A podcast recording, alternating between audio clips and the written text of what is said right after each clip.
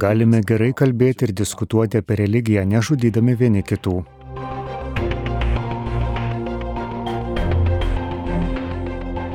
Welcome back to the Word on Fire. Sveiki sugrįžę į ugnies žodžio laidą. Esu laidos vedėjas ir leidybos direktorius Brendonas Fotas. Yra tūkstančiai religijų.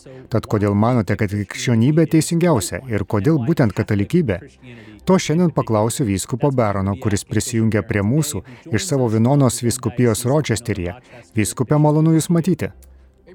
Sveiki, Brendonai, visada malonu Jūs matyti. Šią laidą įrašinėjame gruodžio viduryje, bet manau, kad ji bus transliuojama vėliau, o tai reiškia, kad Jūs arba ką tik išvykote, arba ruošiatės vykti į savo kelionę Londoną. Gal galite apie tai papasakoti mums?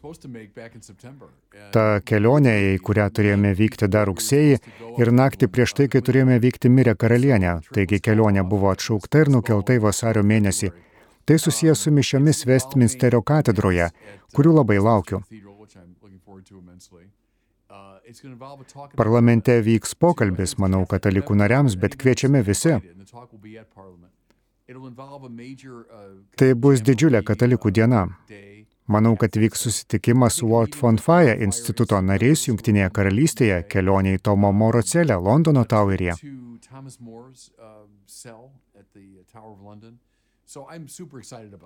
Taigi labai dėl to džiaugiuosi. Ir tai nebus atogražų orai, bet tikriausiai šiek tiek geresni nei Minnesotoje. Pamenu, kai paskutinį kartą įrašinėjome šią laidą, sakėte, kad buvo saulėta ir 3 laipsniai šilumos. Tai pietinėje Minnesotos valstijose tai viduržėmis. Na, dabar jau esate dalyvavęs poroje Reddit tinklo klausimų atsakymų laidų. Reddit turi tokius bendravimo būdus vadinamus klausk manęs bet ko, kai dalyvauja žinomas žmogus, o visi gali komentaruose jam užduoti klausimus. Mes jau anksčiau apie tai kalbėjome laidoje, apžvelgdami kai kurias tendencijas ir populiarius užduodamus klausimus. Tačiau vienas iš jų, kuris abu kartus buvo netoli pačios viršūnės, sulaukė daugiausiai balsų. Kodėl esate toks įsitikinęs, kad iš visų religijų, visos istorijos jūs pasirinkote teisingą? Žinau, kad jau anksčiau tai šiek tiek aptarinėjome, bet pamaniau, kad galėtume tam skirti visą laidą ir išsameu atskleisti. Taigi leiskite man pradėti nuo šio tiesioginio klausimo. Jūs esate krikščionis katalikas. Ar manote, kad katalikų krikščionybė yra vienintelė tikroji religija? Do you think Catholic Christianity is the one true religion, and if so, why? O jei taip, tai kodėl? Manau, kad taip. Ir Brendonai, kaip sakytų Džonas Henris Newmanas, norint tinkamai atsakyti tokį klausimą, reikia atsižvelgti į visumą. Taigi Newmanas sako, kad kai padarai kokį sprendimą, tai labai retai būna grindžiama vienu lemtingu argumentu. Tik santykinai paprastus dalykus galite įrodyti su tokiu intelektualiniu griežtumu. Bet paprastai tai būna įvairių elementų derinys tiesa, tai protas, patirtis, šventųjų liudėjimas, sakramentai, žvilgsnis į Notre Dame katedrą, nuojauta, intuicija, visa eilė dalykų. It's hunch, it's intuition, it's a whole range of things. Mūsų draugas Chestertonas, jūs apie jį žinote daugiau nei aš, paklausęs, kodėl tapo kataliku atsakė, yra tūkstantis priežasčių. Tad visą susumavus tiesiog matau, kad tai tiesa. Manau, kad jis atspindi Newmano instinktą, jog gal, negalime pasakyti, kad dėl šio vienintelio argumento manau, kad katalikybė yra teisinga religija. Taigi tai pirmas pastebėjimas. Leiskite man taip pat jį nušviesti. Galite, remdamiesi protų, įrodyti, kad daugelis katalikybės principų yra teisingi, racionaliai pagristi. Taigi tai nėra savavališkas pasirinkimas. Kaip pavyzdžiui, tu turi savo pomėgį, aš turiu savo, tavo mėgstamiausia spalva yra mėlyna, mano žalia. Ne, jūs galite racionaliai įtikinamai parodyti, pasitelkdami filosofiją, protą, kad daugelis katalikybės principų yra teisingi. Taigi Tomas Akvinėtis jas pavadino tikėjimo preambulėmis. Jos apima Dievo egzistavimą, begalybę, visagalybę, sielos egzistavimą.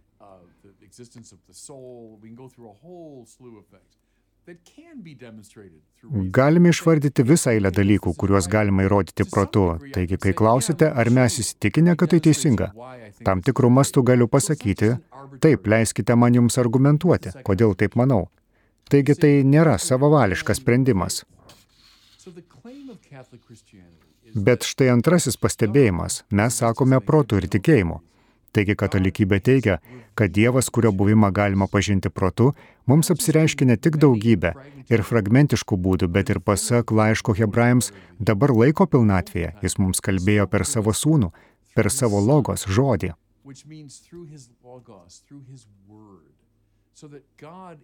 Taigi Dievas ypatingų būdų prabilo apie save Jėzuje Kristuje. Be to prisikėlimu iš numirusių Jėzus patvirtino, jog jis yra logos, jis yra Dievas. Manau, kai visą tai atsižvelgsite, sakysite, krikščionybės apreiškime yra kažkas ypatingo. Aš čia kalbu labai plačiai.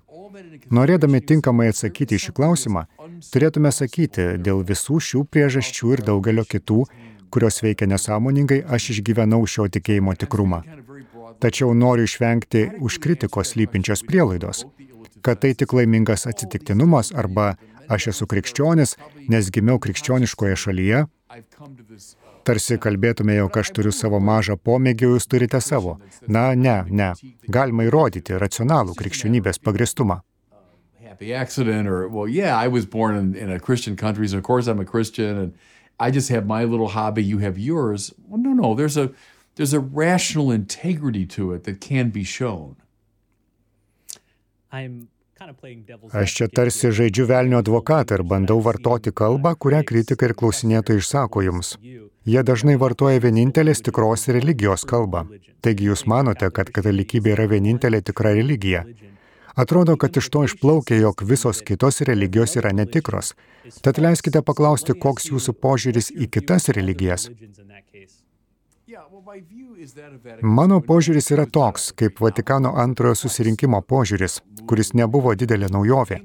Jis atspindi judėjimą didžiosios tradicijos ribose, kad visose didžiosiose religinėse tradicijose bei filosofijose galima rasti tiesos elementų. Galima rasti tiesos iki tam tikro laipsnio, šviesos spindulių ir tai man atrodo akivaizdu. Yra daugybė kvailų marginalių religinių apraiškų, bet pagalvokite apie pagrindinės religijos apraišką žmonijoje. Jei jose nebūtų nieko tikro, gero, gražaus ar vertingo, jos niekada nebūtų išlikusios. Jos nebūtų taip ilgai maitinusios žmonių. Taigi bažnyčia, manau, labai dėkingai pripažįsta šiuos faktus. Tačiau tiesos pilnatvė, ta prasme vienintelė tikroji religija, nereiškia, kad visos kitos yra tiesiog klaidingos. Tai reiškia, kad jos dalyvauja tiesoje mažesnių laipsnių. Dabar pateiksiu tą monologiją. Gal prisimenate tą sceną garsiojo filmo Geros valios medžioklė pradžioje, kai profesorius ant lentos užrašo sudėtingą uždavinį ir meta studentams iššūkį, kas gali išspręsti. Visi studentai bando įvairiais būdais, o filmo žvaigždė ją išsprendžia. Ar yra vienas teisingas to uždavinio atsakymas? Na, taip yra. Bet ar gali profesorius arba, nuleiskime tai iki pradinių klasių matematikos, ar gali mokytas pasakyti, atsakymas, kurį jūs pateikėte, nėra teisingas, bet jis artimas. Yeah, the answer you gave, that's not correct, but it's it's close. It's it's. Jis artėja prie tikslo. Jūs daug ką padarėte teisingai. Ir tada kitas. Ir tai yra gerai. Bet matote, jums trūksta iki pilno atsakymo. Ir tada galbūt yra keletas, kurių atsakymai tiesiog juokingi, kurie nepataiko nei iš tolo, o gal kai kurie niekada net nebandė, yra vienintelis teisingas atsakymas. Taip, tai tiesa. Bet jūs neprivalote dėl to paprasčiausiai menkinti kiekvieno kito atsakymo. Galite sakyti, kad įvairių laipsnių jie priartėja prie teisingo atsakymo pilnatvės. Dabar leiskite man pasilikti prie šios analogijos. Taigi čia aš žiūriu į pagrindinę problemą ir ieškau jos sprendimo. Tai mums visiems kelia stresą, nes mes turime tai išsiaiškinti. Ir kai kurie tai atranda, o kai kurie ne, tiesa.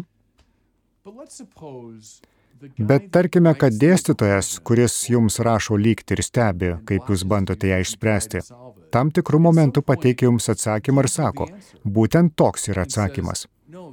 Aš matau, kad ne vienas iš jūsų nepajėgia to išspręsti visiškai teisingai, tad noriu jums atskleisti atsakymą. Aš esu tas, kuris sukūrė uždavinį.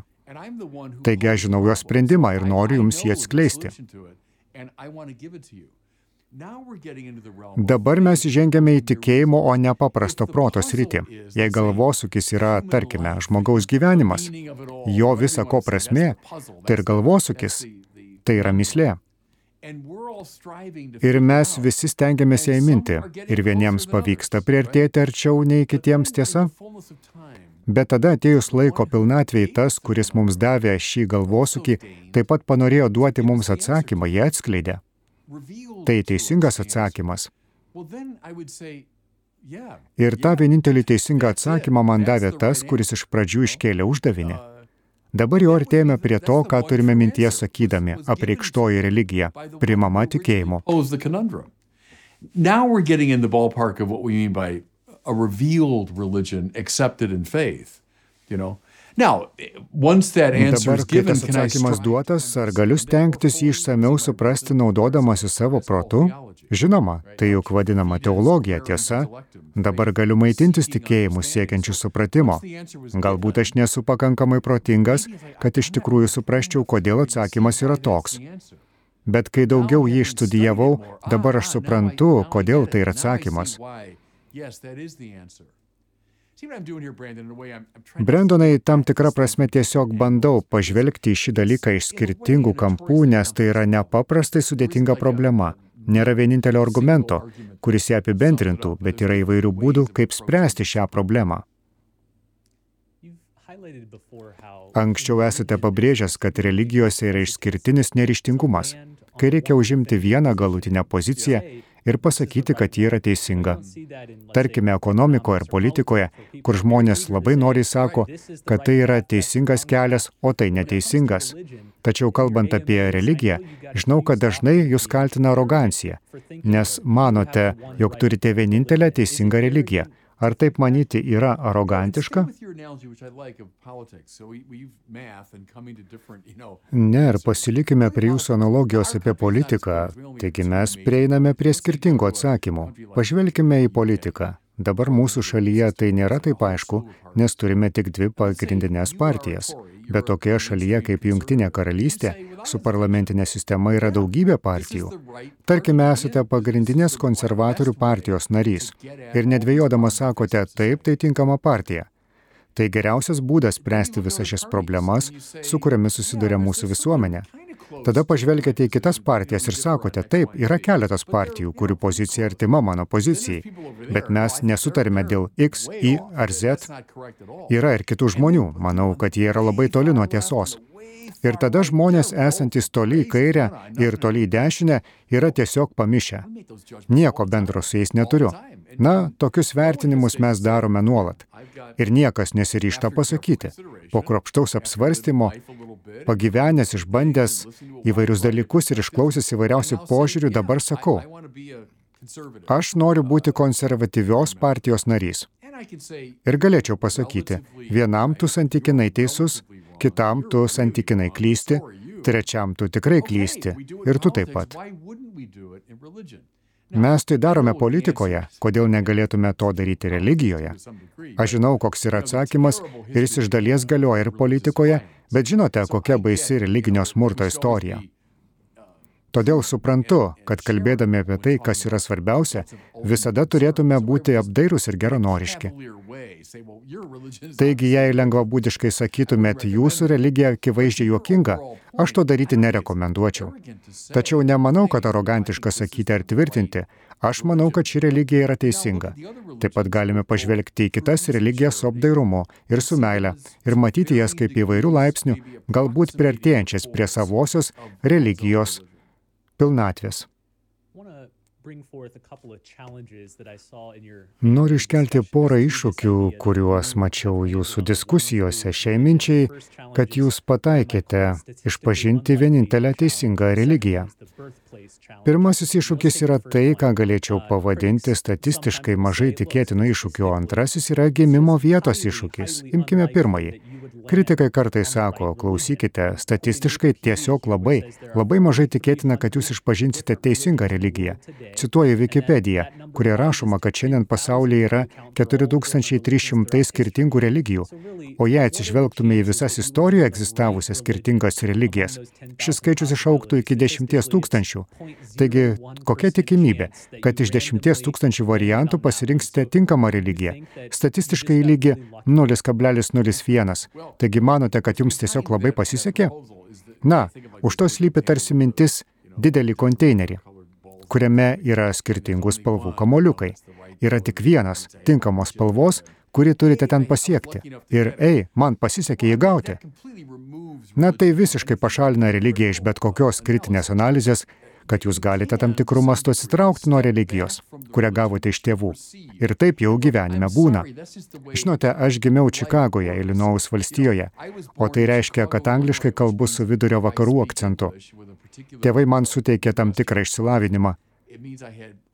Taigi taip, visa tai yra tam tikrų būdų sąlygota. Bet tai nereiškia, kad tam tikrų gyvenimo momentu aš neatsitraukiau nuo religijos, kurią gavau ir neuždaviau daug kritiškų klausimų apie ją the religion that I received and asked a lot of critical questions about it. In fact, I did. Tiesą sakant, taip ir dariau. Didelė mano intelektualinio formavimosi dalis buvo užduoti daug rimtų klausimų apie savo religiją ir taip ją patikrinti. Problema susijusi su tuo, kaip šis klausimas suformuluotas, yra ta, kad jis prieštarauja faktams. Ir jame daroma prielaida, kad aš niekada negaliu rasti tam tikros kritinės distancijos nuo savo religijos. Štai dar viena kritika, kurią jūs prieš akimirką išsakėte. Aš ją vadinu gimimo vietos kritika. Kas nors pasakys, na, žmogaus religija pirmiausia lemia tai, kur jis gimė. Pavyzdžiui, jūs manote, kad krikščionybė yra tikra, nes gimėte Amerikoje, Čikagoje, kur ji yra dominuojanti religija. Jūs augino krikščionys tėvai, krikščioniška kultūra, tačiau jei būtumėte gimęs Indijoje, tikriausiai manytumėte, kad vienintelė teisinga religija yra hinduizmas. Arba jei būtumėte gimęs Pakistane, tai būtų islamas. Arba jei būtumėte gimęs Kinijoje, tai būtų budizmas. Taigi visa tai atrodo gana kintama, atrodo žmogaus religija lemia tai, kuris gimė.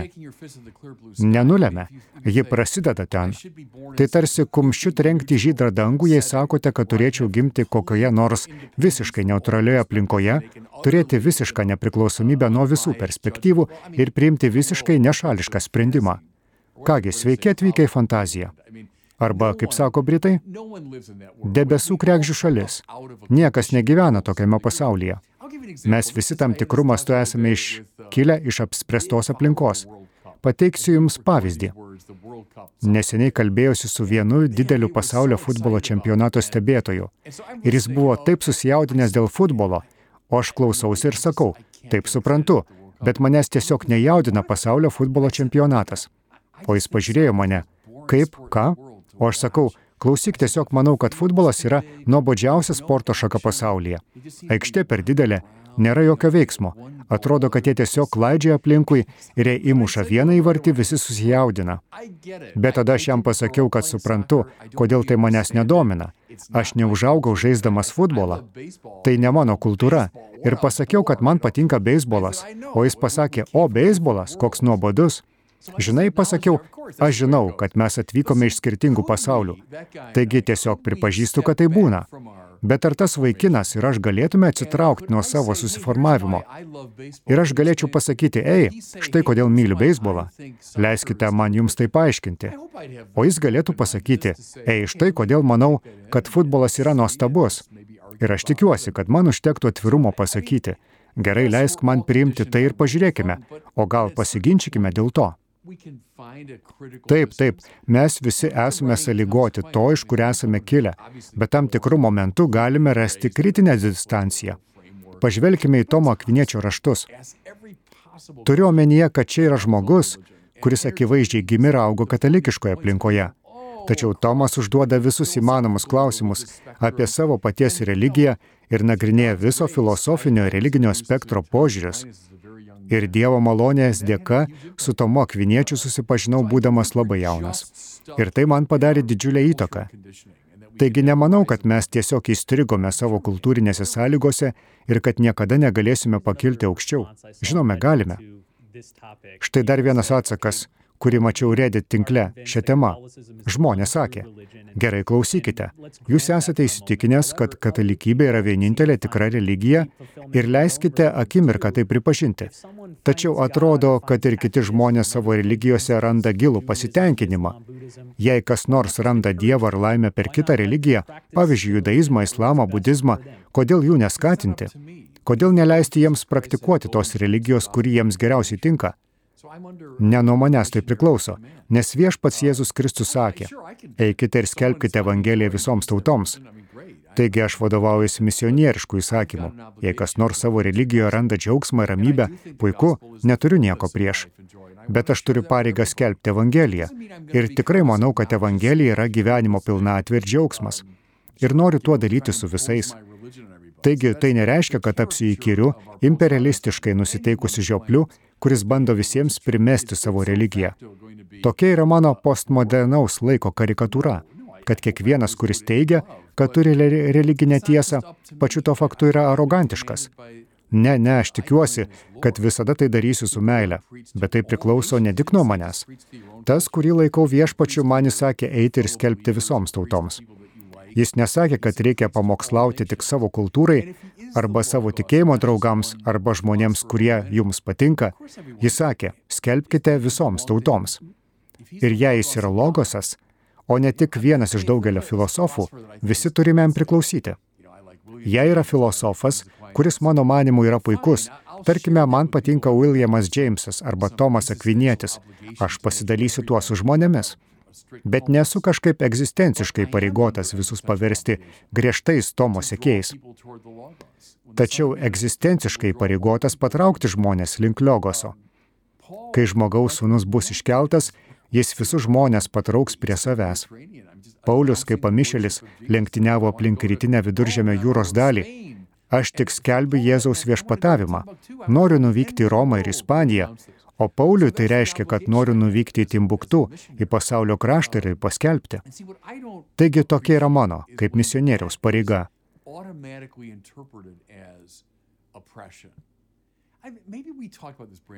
Ir supraskite, man nepatinka, kad tai iškart interpretuojama kaip priespauda.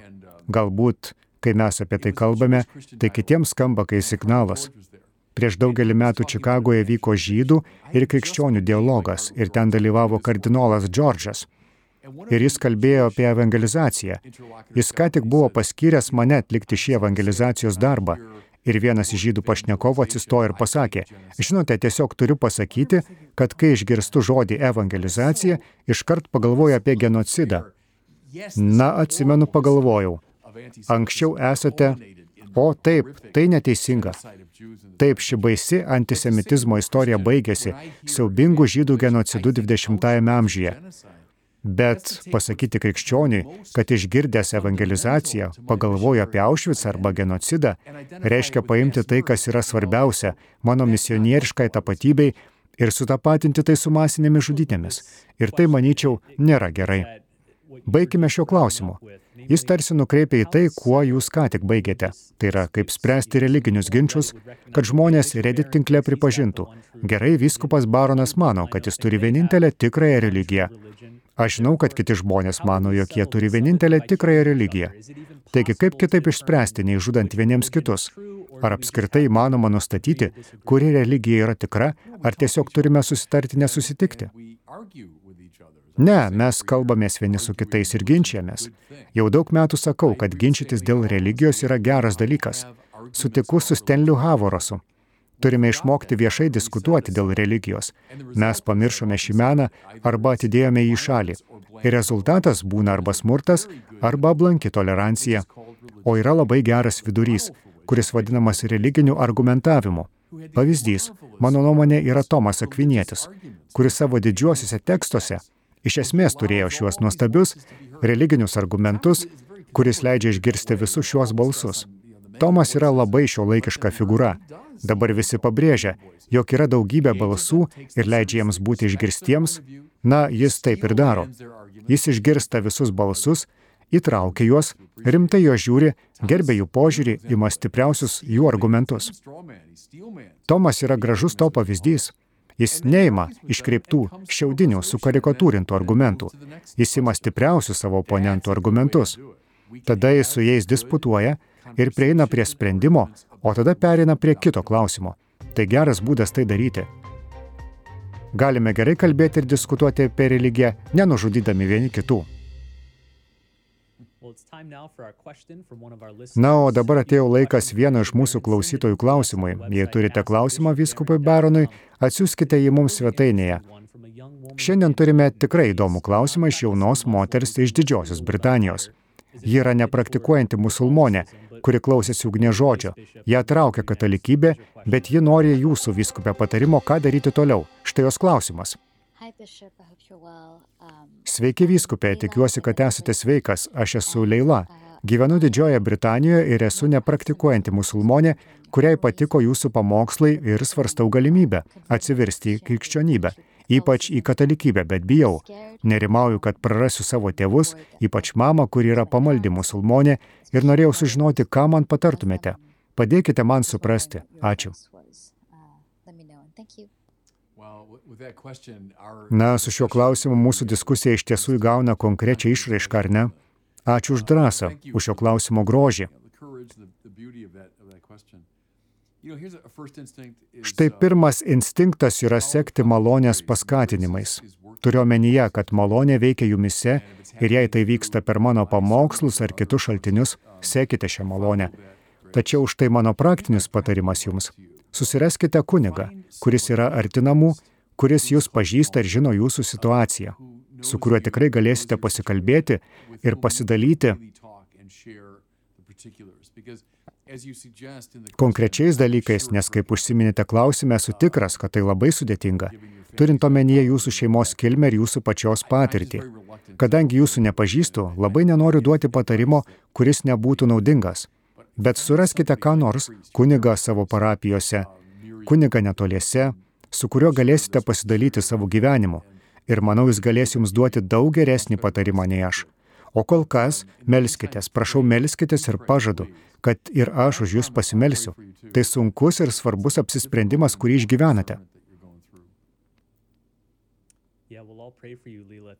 Taip, mes visi melsimės už tave, Leila, labai ačiū, kad pasidalijote tuo su mumis ir visais ugnie žodžio klausytojais. Esu tikras, kad ir klausytojai taip pat melsis už jūs. Baigiant šią temą noriu pasidalinti dar vieną naują ugnie žodžio knygą. Atrodo, kad tai sakau kiekvieną kartą, kai mes kalbamės. Viskupė Baronai. Bet šį kartą tai antrasis ir paskutinis mūsų ugnie žodžio Vatikano antrojo susirinkimo rinkinio tomas. Daugelis iš jūsų prisimena, kad pernai išleidome pirmąjį tomą, kuriame buvo keturios pagrindinės Vatikano antrojo susirinkimo konstitucijos, tačiau iš viso yra 16 Vatikano antrojo susirinkimo dokumentų. Taigi šį antrąjį tomą įtraukta 12 paskutinių dokumentų.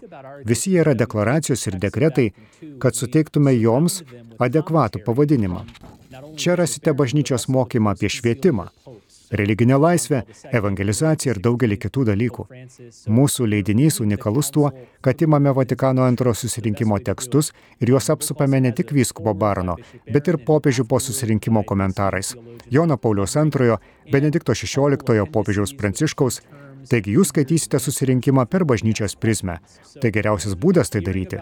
Knygoje taip pat yra vyskupo barono pratarmė ir gerbiamo teologo Metiu Leveringo pratarmė bei naudingi priedai su pagrindiniais terminais ir skaičiais bei atsakymais į dažniausiai užduodamus klausimus. Taigi, jei girdėjote apie Vatikano antrąjį susirinkimą, bet iš tikrųjų niekada neskaitėte jo dokumentų, rinkite šį antrąjį Vatikano susirinkimo rinkinio Ugnė žodžio tomą. Labai ačiū, kad žiūrėjote ir klausėtės ir susitiksime kitą kartą laidoje Ugnė žodis.